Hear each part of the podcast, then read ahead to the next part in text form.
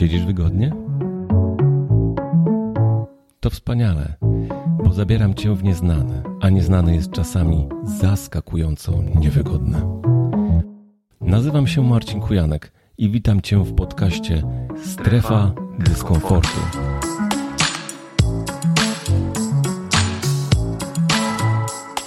Czekają tu na ciebie rozmowy z ciekawymi ludźmi o niełatwym wykraczaniu poza najwygodniejszą sferę naszego życia strefę komfortu.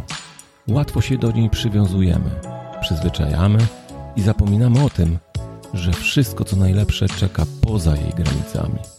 Dyskomfort nas rozwija. Dyskomfort sprawia, że działamy na zwiększonych obrotach. Dyskomfort kształtuje nasze ciało i naszego ducha. Dzięki niemu możemy osiągać więcej. więcej, więcej, więcej. O tym będę rozmawiał z gośćmi tego podcastu. Zapraszam Cię do wysłuchania najnowszego odcinka.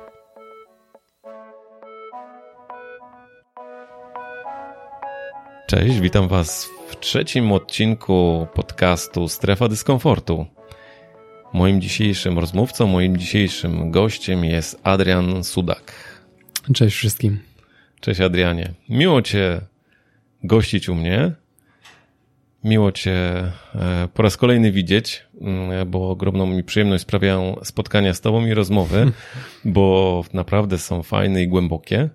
Także mam nadzieję, że również nasi słuchacze będą mieli taki sam odbiór e, Ciebie, Twojej osoby i tego, co mówisz.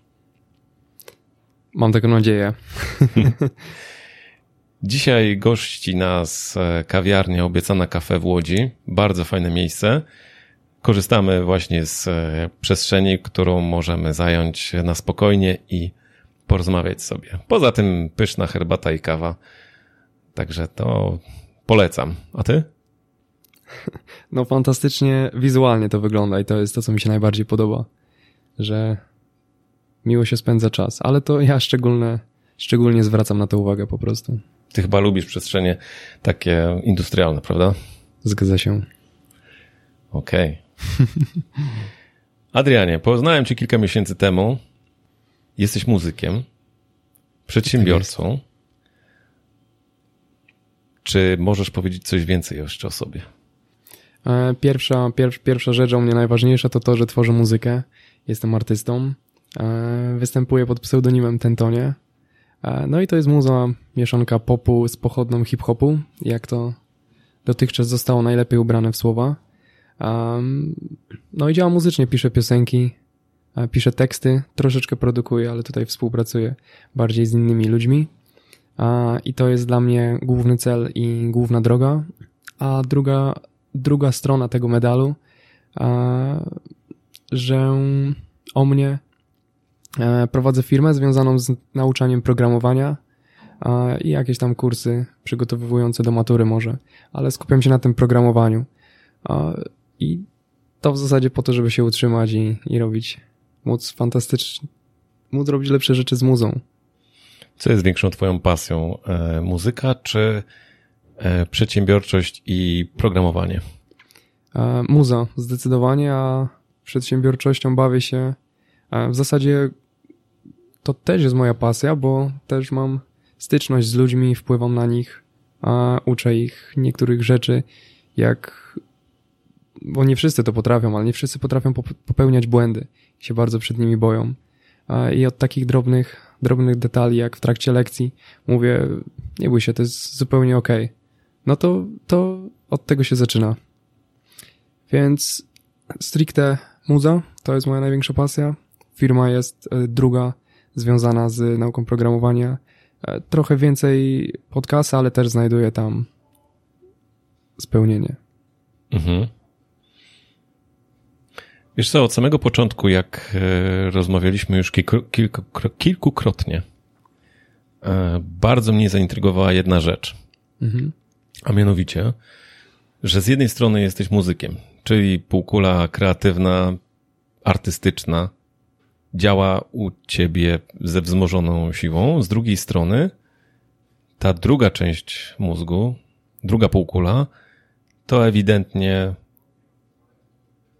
miejsce, w którym faworyzowany jest umysł analityczny, umysł taki pragmatyczny. Jak ty sobie z tym radzisz? Jak godzisz jedno z drugim? To jest, to jest ciekawe, bo to się samo pogodziło ze sobą. Tak, z początku ja tego nie wybierałem. Po prostu zawsze się interesowałem e, programowaniem.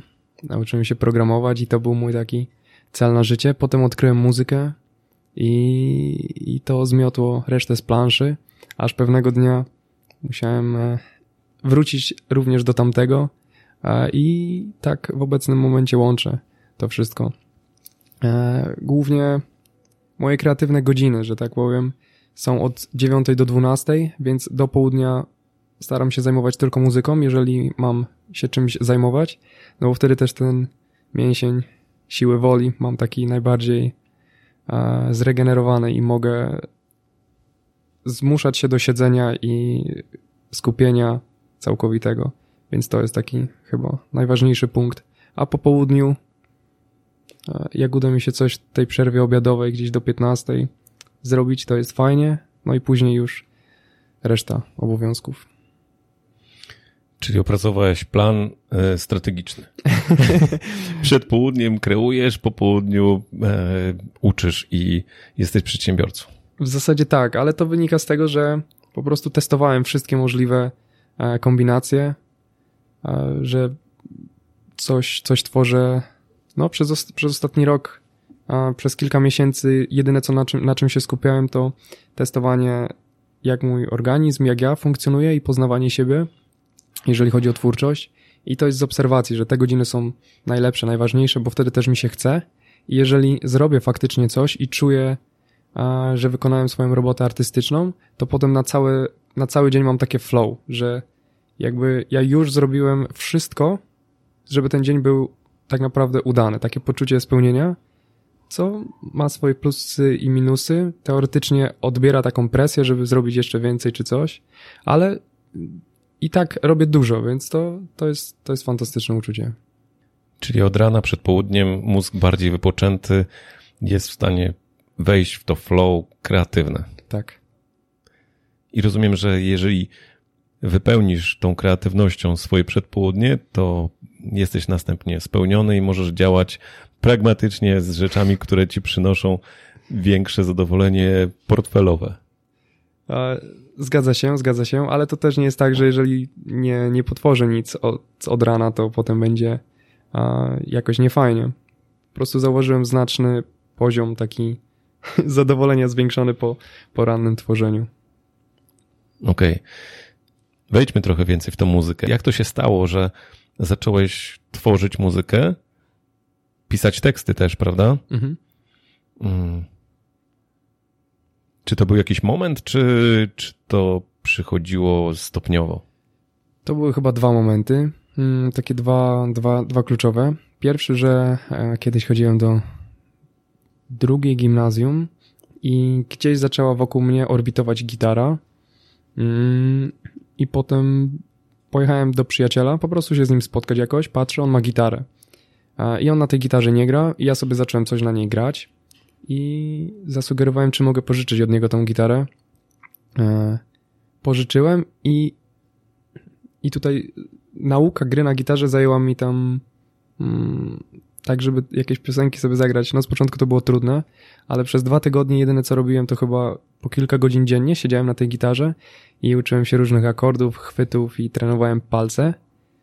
I to był taki kluczowy moment, dlatego że od tego momentu zacząłem pisać też piosenki jeżeli jakieś tam emocje były wokół mnie nie do końca takie, jakie bym chciał, e, to mogłem się ich pozbyć. Mogłem się ich pozbyć, przelać je na kartkę. I tak zacząłem pisać teksty, ale wszystkie były tylko i wyłącznie dla mnie. To była taka zabawa, dlatego że po każdym się lepiej czułem. Po każdym się lepiej czułem. E, I tą gitarę pożyczyłem. Tutaj zaznaczę, bo wiele osób chce się nauczyć grać na gitarze. W moim przypadku to, to samo wyszło. Tak nie musiałem nawet w żadnym stopniu jakąkolwiek samodyscypliną się w tym wyznaczyć. Po prostu lubiłem bardziej się uczyć, grać niż, niż się nie uczyć.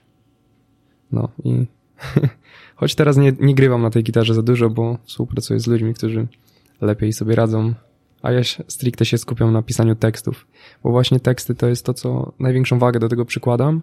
A, no i tak jak słuchacze mówią, ludzie mówią, że to jest mój taki największy talent, więc go rozwijam, żeby zajść tam, gdzie jeszcze nikt nie zaszedł. Czyli pisanie tekstów, tak? Zgadza się. Okej. Okay. A jak powstaje muzyka w takim razie? Do, bo najpierw tworzysz teksty czy muzykę? Mm -hmm. Zawsze wszystko wywodzi się od, od muzyki jednak. Od jakiejś zagrywki. I potem a, tak, od zagrywki. Jeszcze dokończę tutaj, bo drugi punkt, e, zapomniałem w sumie dodać.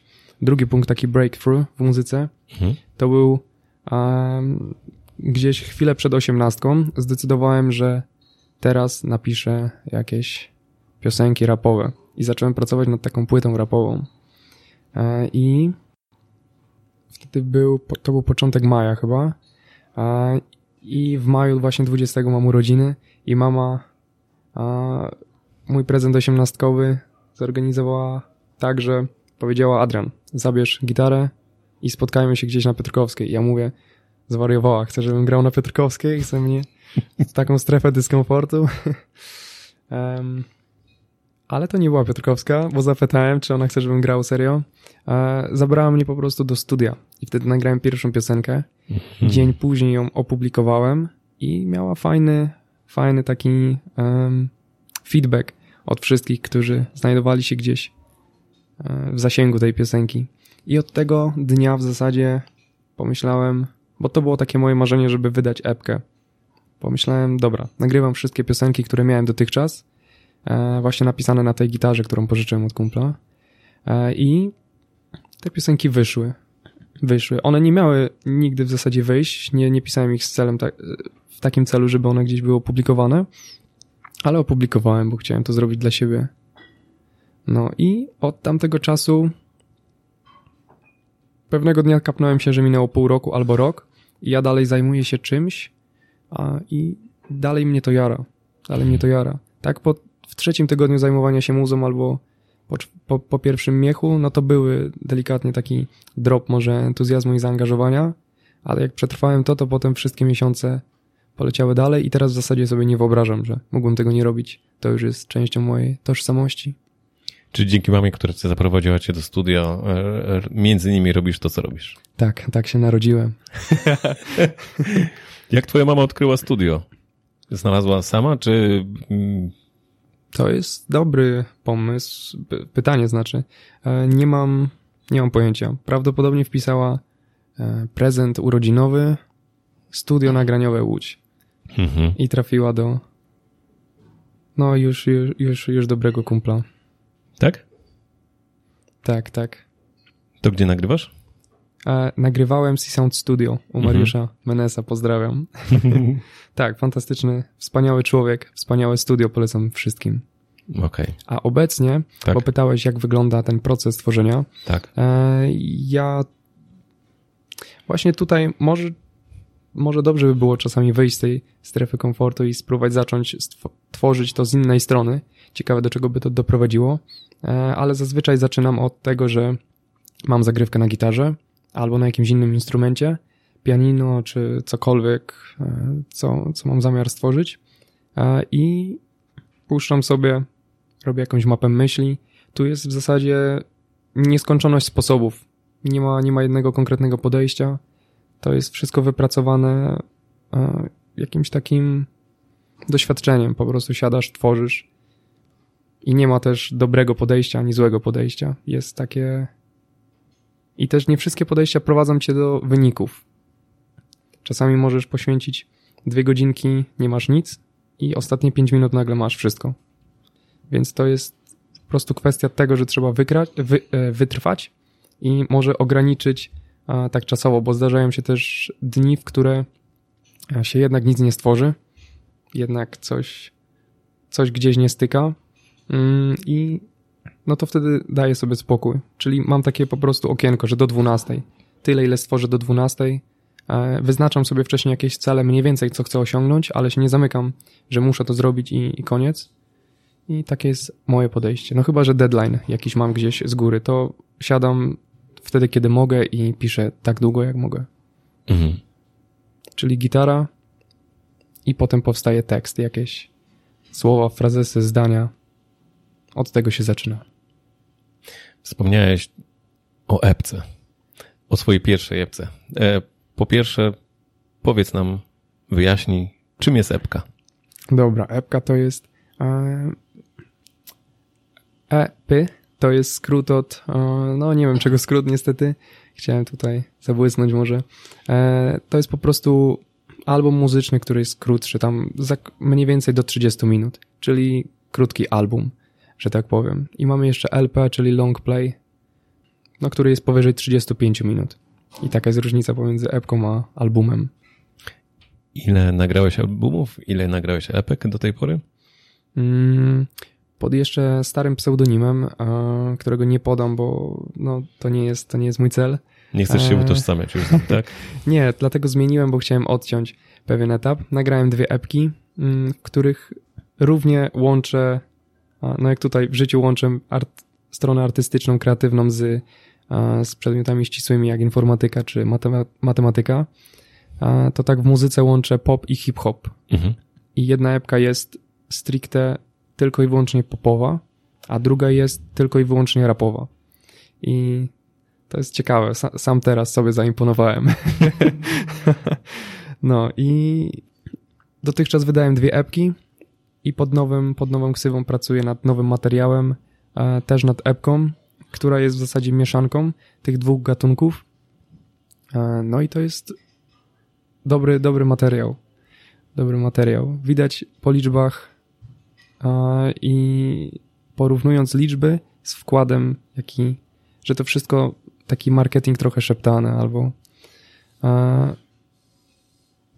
no bo ja tego jakoś wyjątkowo jeszcze nie promowałem. No, to ciekawe, że tak dobrze rozchodzi się informacja o twojej muzyce bez mm, jakiejś większej promocji. Jak to się dzieje? Marketing szeptany, powiedziałeś. Tak, jest, jest sporo, no kwestia, bo jednak trzeba patrzeć na piosenkę jak produkt a, i jeżeli ten produkt wywołuje jakąś konkretną emocję i podoba się, no właśnie, jeżeli wywołuje jakąkolwiek emocję, a, to znajdzie swoich odbiorców, no i ludzie będą polecać dalej, ci, którzy, ci którym to szczególnie przypadnie do gustu. E, No i w zasadzie promocja mnie znalazła do tej naj, najnowszej piosenki, którą obecnie mam opublikowaną, czyli czekam a nie, to nie jest najnowsza. Czekam na stacji, e, bo trafiłem na, na playlistę, na jeden projekt, który startował w Polsce, Fresh Find Polska, do pierwszej edycji. I to, Mhm. był, to był fajny okres w życiu. Dużo się zmieniło wtedy. Większa liczba osób cię odsłuchała. Dzięki E, uczestnictwu w tym pro projekcie, tak? To tak, ale to nie tylko, nie tylko tyle, bo wiele wtedy się nauczyłem, zrozumiałem i to było też takie breakthrough. Mhm. Najnowszy long play, kiedy wychodzi, albo jaki jest plan w tym temacie? Dobra, jeżeli chodzi o long play, to plan jest taki, a, że raczej będę chciał to wydać z wytwórnią. No i żeby wydać to z wytwórnią, chcę wcześniej wydać jeszcze solową epkę z tymi nowymi utworami, żeby a, mogli zobaczyć, jaki materiał zamierzam robić. Mniej więcej. No i też zobaczymy, jak ludzie zareagują na to. Czyli najprędzej będzie epka. Kiedy?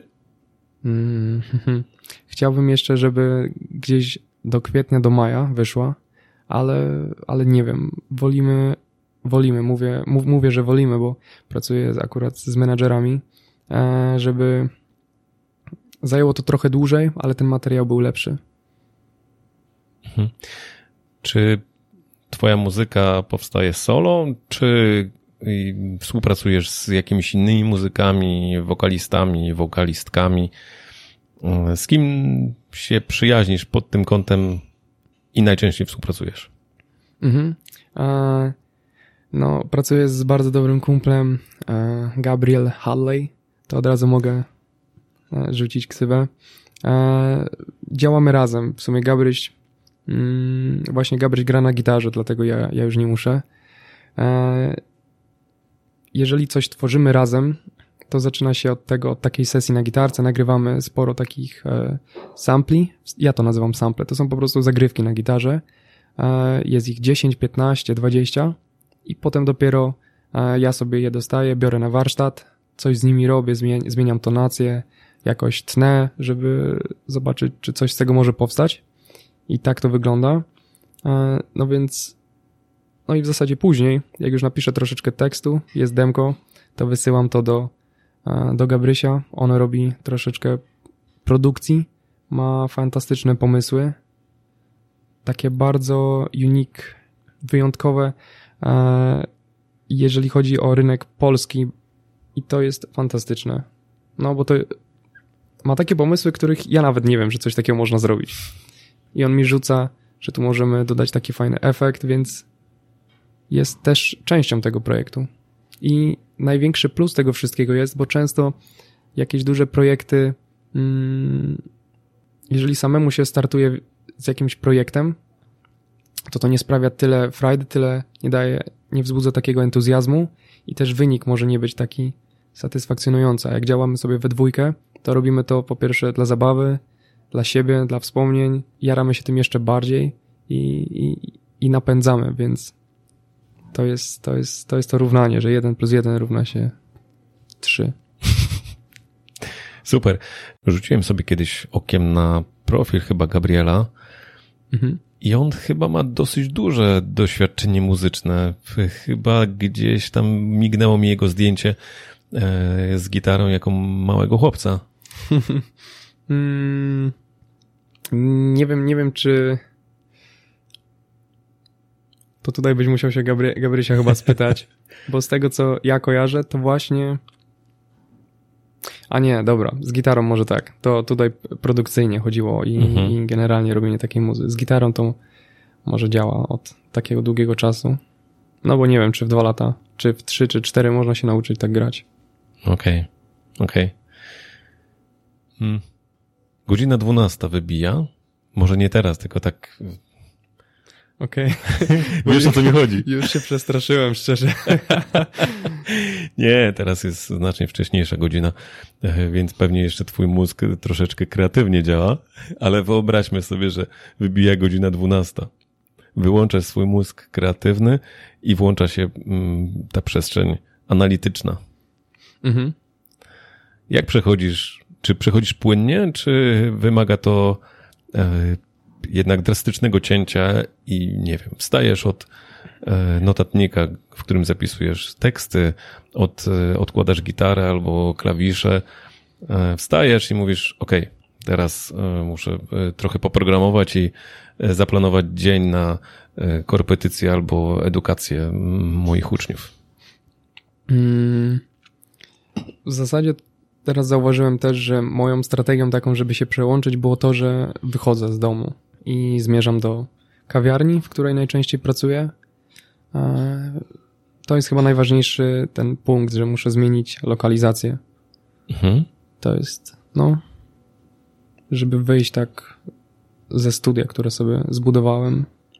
I wtedy mogę się swobodnie przełączyć. I chciałbym pracować jakoś fajnie, właśnie gdzieś do 15, ale też um, czasami jest ok, a czasami to są takie dla mnie nieproduktywne godziny, więc do tych w tym jakby czasie troszeczkę sobie odpuszczam. No też biorąc pod uwagę i inspirując się e, jakimikolwiek wykresami produktywności w ciągu dnia, takim, taką średnią, to zaobserwowałem, że u mnie to się e, w większości sprawdza. Masz na myśli, że kontekst się zmienia i i to się sprawdza, że, że wykraczasz z jednego miejsca w inną przestrzeń. Tak? Dobrze to rozumiem? Mm, tak. Okej. Okay. Mm, czy po godzinie 12, jak rozpoczynasz ten analityczny swój czas, ja to tak nazywam, czy jakoś szczególnie sobie go planujesz? Bo to pytanie dlatego powstało, ponieważ jeśli e, kończymy ten etap flow kreatywnego i wchodzimy w taką stricte poukładaną część e, dnia, wynikającą z pracy, zadań i konkretnie tego, co ty robisz, czyli programowanie, czyli uczenie innych programowania, czy matematyki. Czy musisz to jakoś szczególnie planować, czy przechodzi płynnie w, w twoim dniu? Mm, planowanie musi być, musi być. Z tego, co zaobserwowałem i, i lepiej wychodzi, jak zaplanuję. Teraz powiedziałeś ciekawą rzecz, w sensie do fajnego wniosku doszedłem, albo może do tezy, którą sprawdzę w najbliższych dniach, że może jak, jak wstaję, bo dotychczas planowałem gdzieś tak mniej więcej od razu po wstaniu, e, co zamierzam dzisiaj zrobić, ale może jeżeli skupiam się na muzycznych rzeczach, to od rana zaplanować sobie tylko muzyczne rzeczy i dopiero po tej po południu zastanowić się, co mam do zrobienia e, z tej strony analitycznej. Więc to jest coś, co będę testował chyba w najbliższym czasie. Hmm. E, no, żeby sobie już nie zaprzątać głowy tymi analitycznymi rzeczami, e, zanim skończę przed południem. Mhm.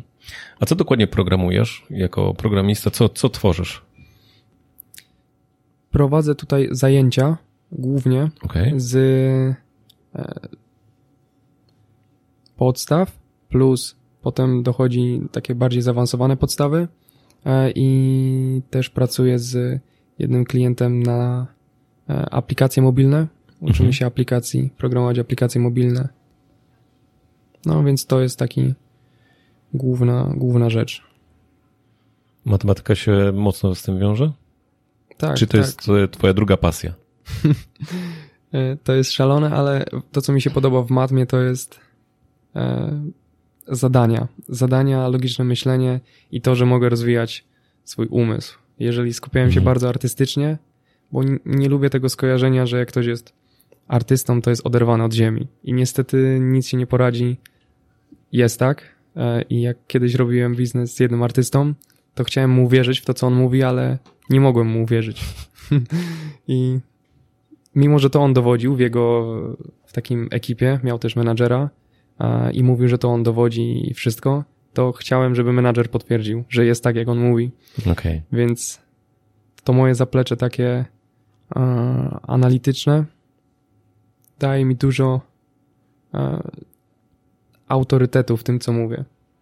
I mimo, że bywam często nad ziemią, to to wygląda jakbym dalej stąpał po ziemi.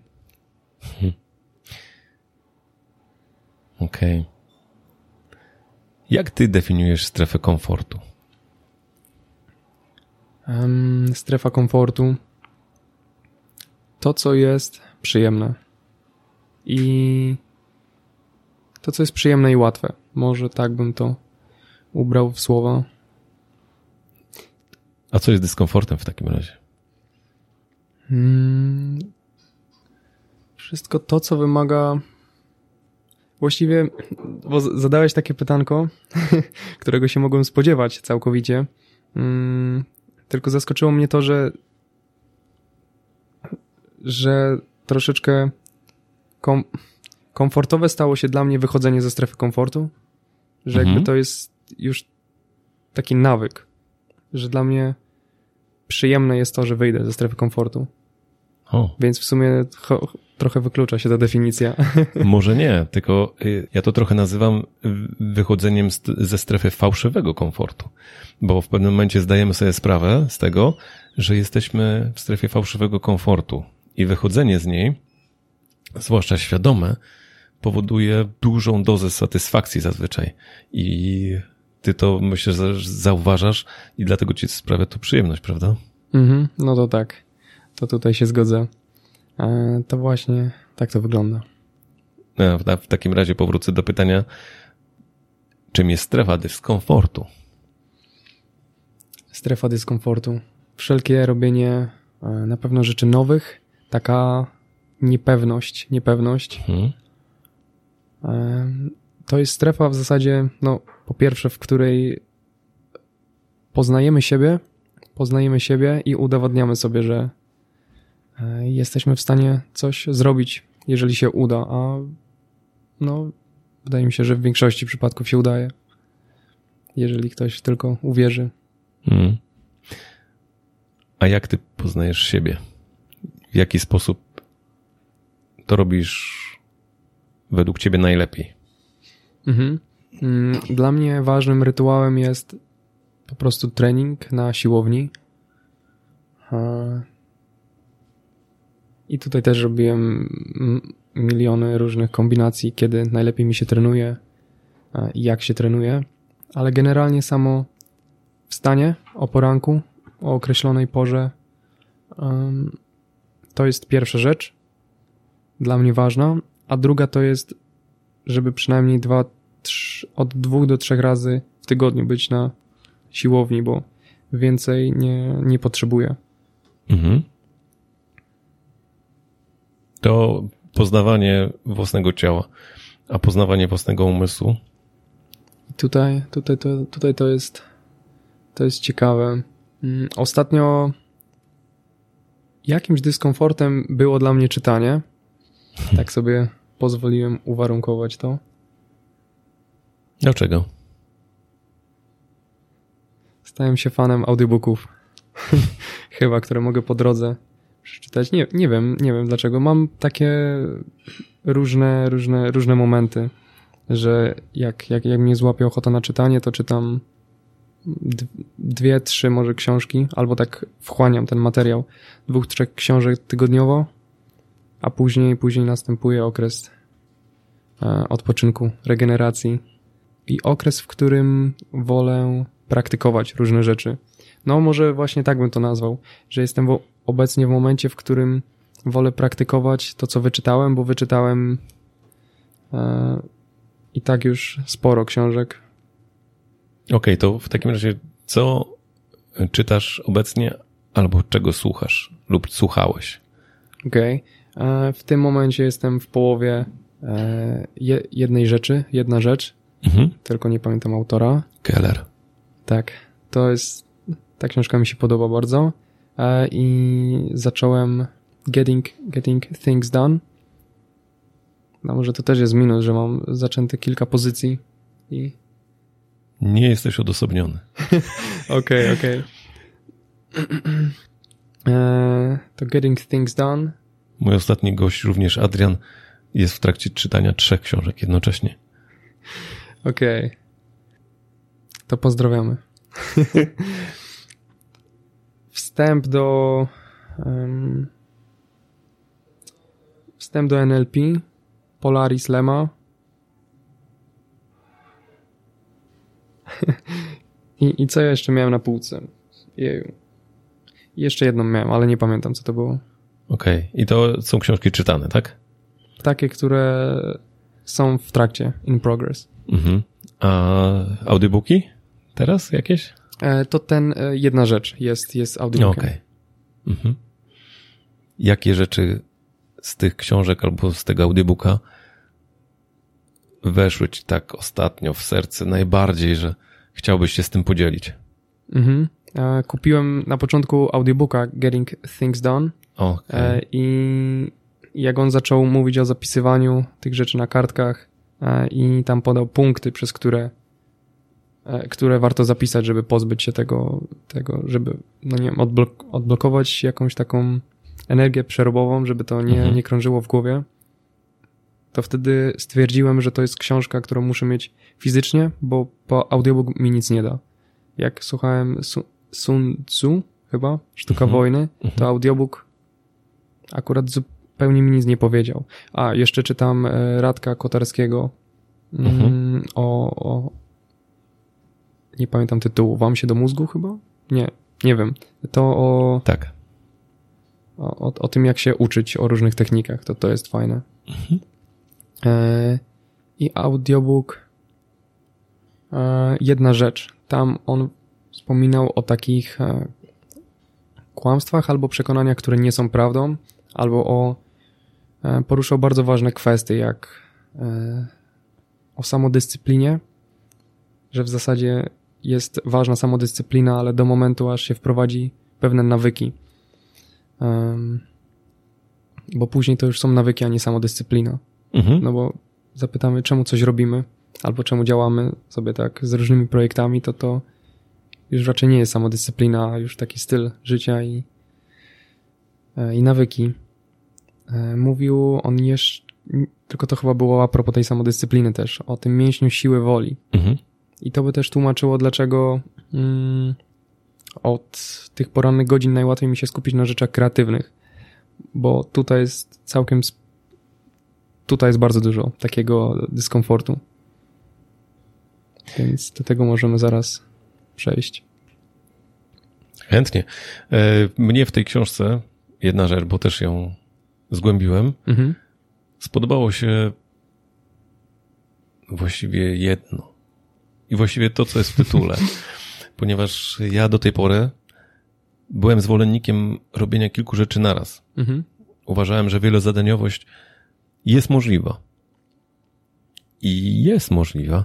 Natomiast problem polega na tym, że zazwyczaj, pewnie nie zawsze, ale zazwyczaj robienie rzeczy, kilku rzeczy jednocześnie powoduje, że żadna z tych rzeczy nie jest zrobiona dobrze.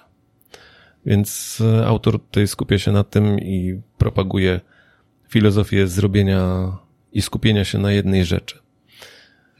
E, Zarówno w tym małym obszarze, jak i w wielkim obszarze, żeby e, raz, że obrać sobie jeden główny cel, a w trakcie dążenia do tego celu również e, skupiać się na jednej rzeczy, w którą się, którą się w danym momencie robi. Czy popierasz tego typu myśl i działanie, czy jednak wolisz wielozadaniowość i robienie kilku rzeczy naraz? Tutaj całkowicie jestem tego zdania co ty. E, Wielozadaniowość u mnie się nie sprawdza, zdecydowanie. Dlatego też w zasadzie e, z jednej strony się cieszę, z drugiej ubolewam, że prowadzę firmę związaną z programowaniem, a nie poświęcam się całkowicie muzyce, Mhm.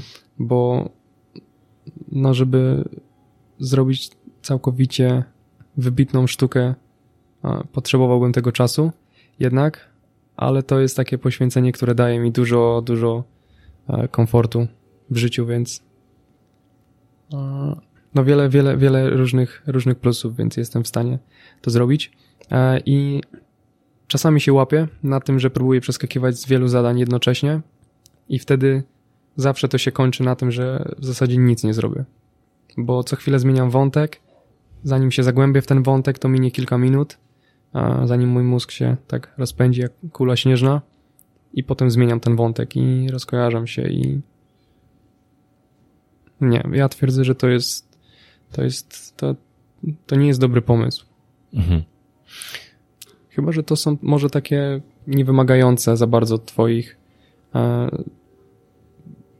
jakby myśl, myślenia o jakichś ważnych rzeczach, no bo możesz taką pracę fizyczną i dwie rzeczy, a, które nie wymagają twojej nie, do robót, które nie wymagają wyjątkowego skupienia i jakiejś takiej uwagi a, albo myśl, całk- szczególnego myślenia, to myślę, że, że to by było okej.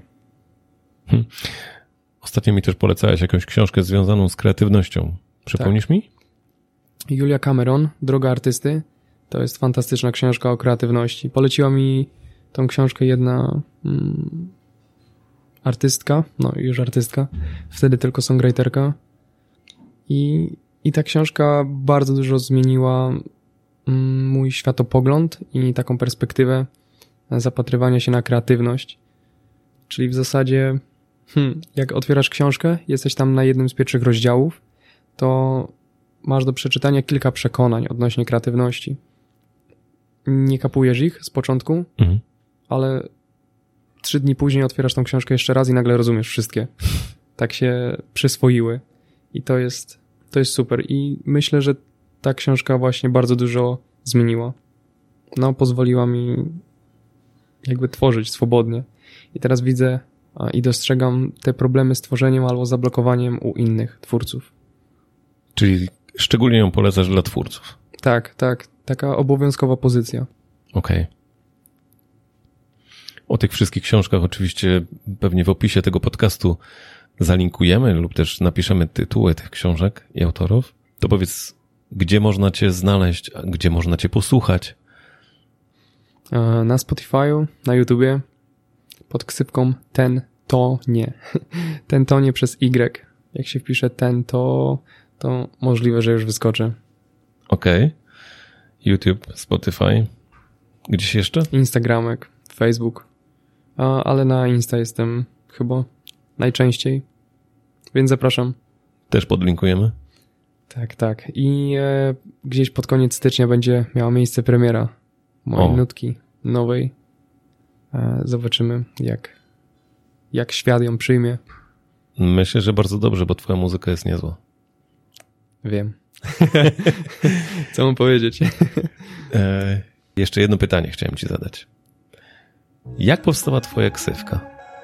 Okej. Okay. Oj tak. Wcześniej miałem pseudonim, który skracając ten pseudonim, mój poprzedni, e, dochodziło się do czegoś takiego jak Tony L. Mm. Tony L. Ja to sobie używałem tak e, powszechnie i chciałem stworzyć coś, coś na wzór tego, ale jednak drobny, żeby się drobnie różnił. No i zainspirowałem się końcówką od Kanie w zasadzie, bo czasami, czasami ludzie wypowiadali Kane albo Kane albo Kane, Kane, nie wiem, ale w każdym razie zabawnie.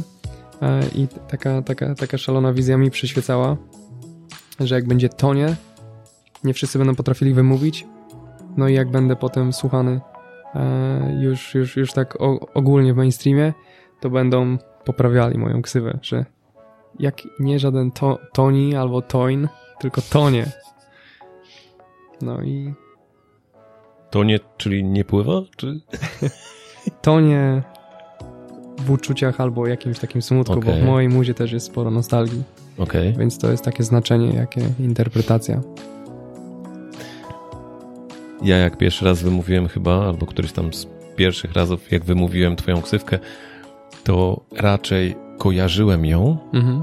wiesz z jakim znaczeniem? Ten, mhm. ton, je. Ten to je. Ten ton je. A, okej. Okay. Okay, Czyli okay. taki stricte muzyczny wyobrażenie, tak? Ten ton je. Tak. Ciekawe, bo tego jeszcze nie słyszałem, a fantastyczne jest to, że to, to jest najpiękniejsza rzecz w tej ksywie, że to ma chyba nieskończoność znaczeń i mhm. cały czas odkrywamy nowe. I jeżeli ktoś już polubi tą ksywę, to potem w rozmowie mnóstwo razy pojawia się zazwyczaj słowo ten albo coś takiego i, i od razu leci inside joke. Ten, byliśmy w jakimś sklepie i kupujemy bat, pani się pyta, co, co chce kupić, ja mówię ten baton. I, I nagle tam kumpel się zaczyna śmiać. Ja mówię, czemu się śmiejesz? Ten baton i moje, może swoje batony wydam kiedyś. Okej. Okay. Niech pozostanie jednak ten tonie. Ten tonie. Adrianie, bardzo Ci dziękuję za tą rozmowę. E, mega inspirująca. E, mam nadzieję, że nasi słuchacze też e, wchłoną Twój przekaz, a przede wszystkim posłuchają Twojej muzy, która jest naprawdę dobra. Nie możemy się doczekać Twojej najbliższej epki oraz longplaya. Też się nie mogę doczekać. Dzięki wielkie. Fantastycznie było być tu gościem. Dziękuję. Hej.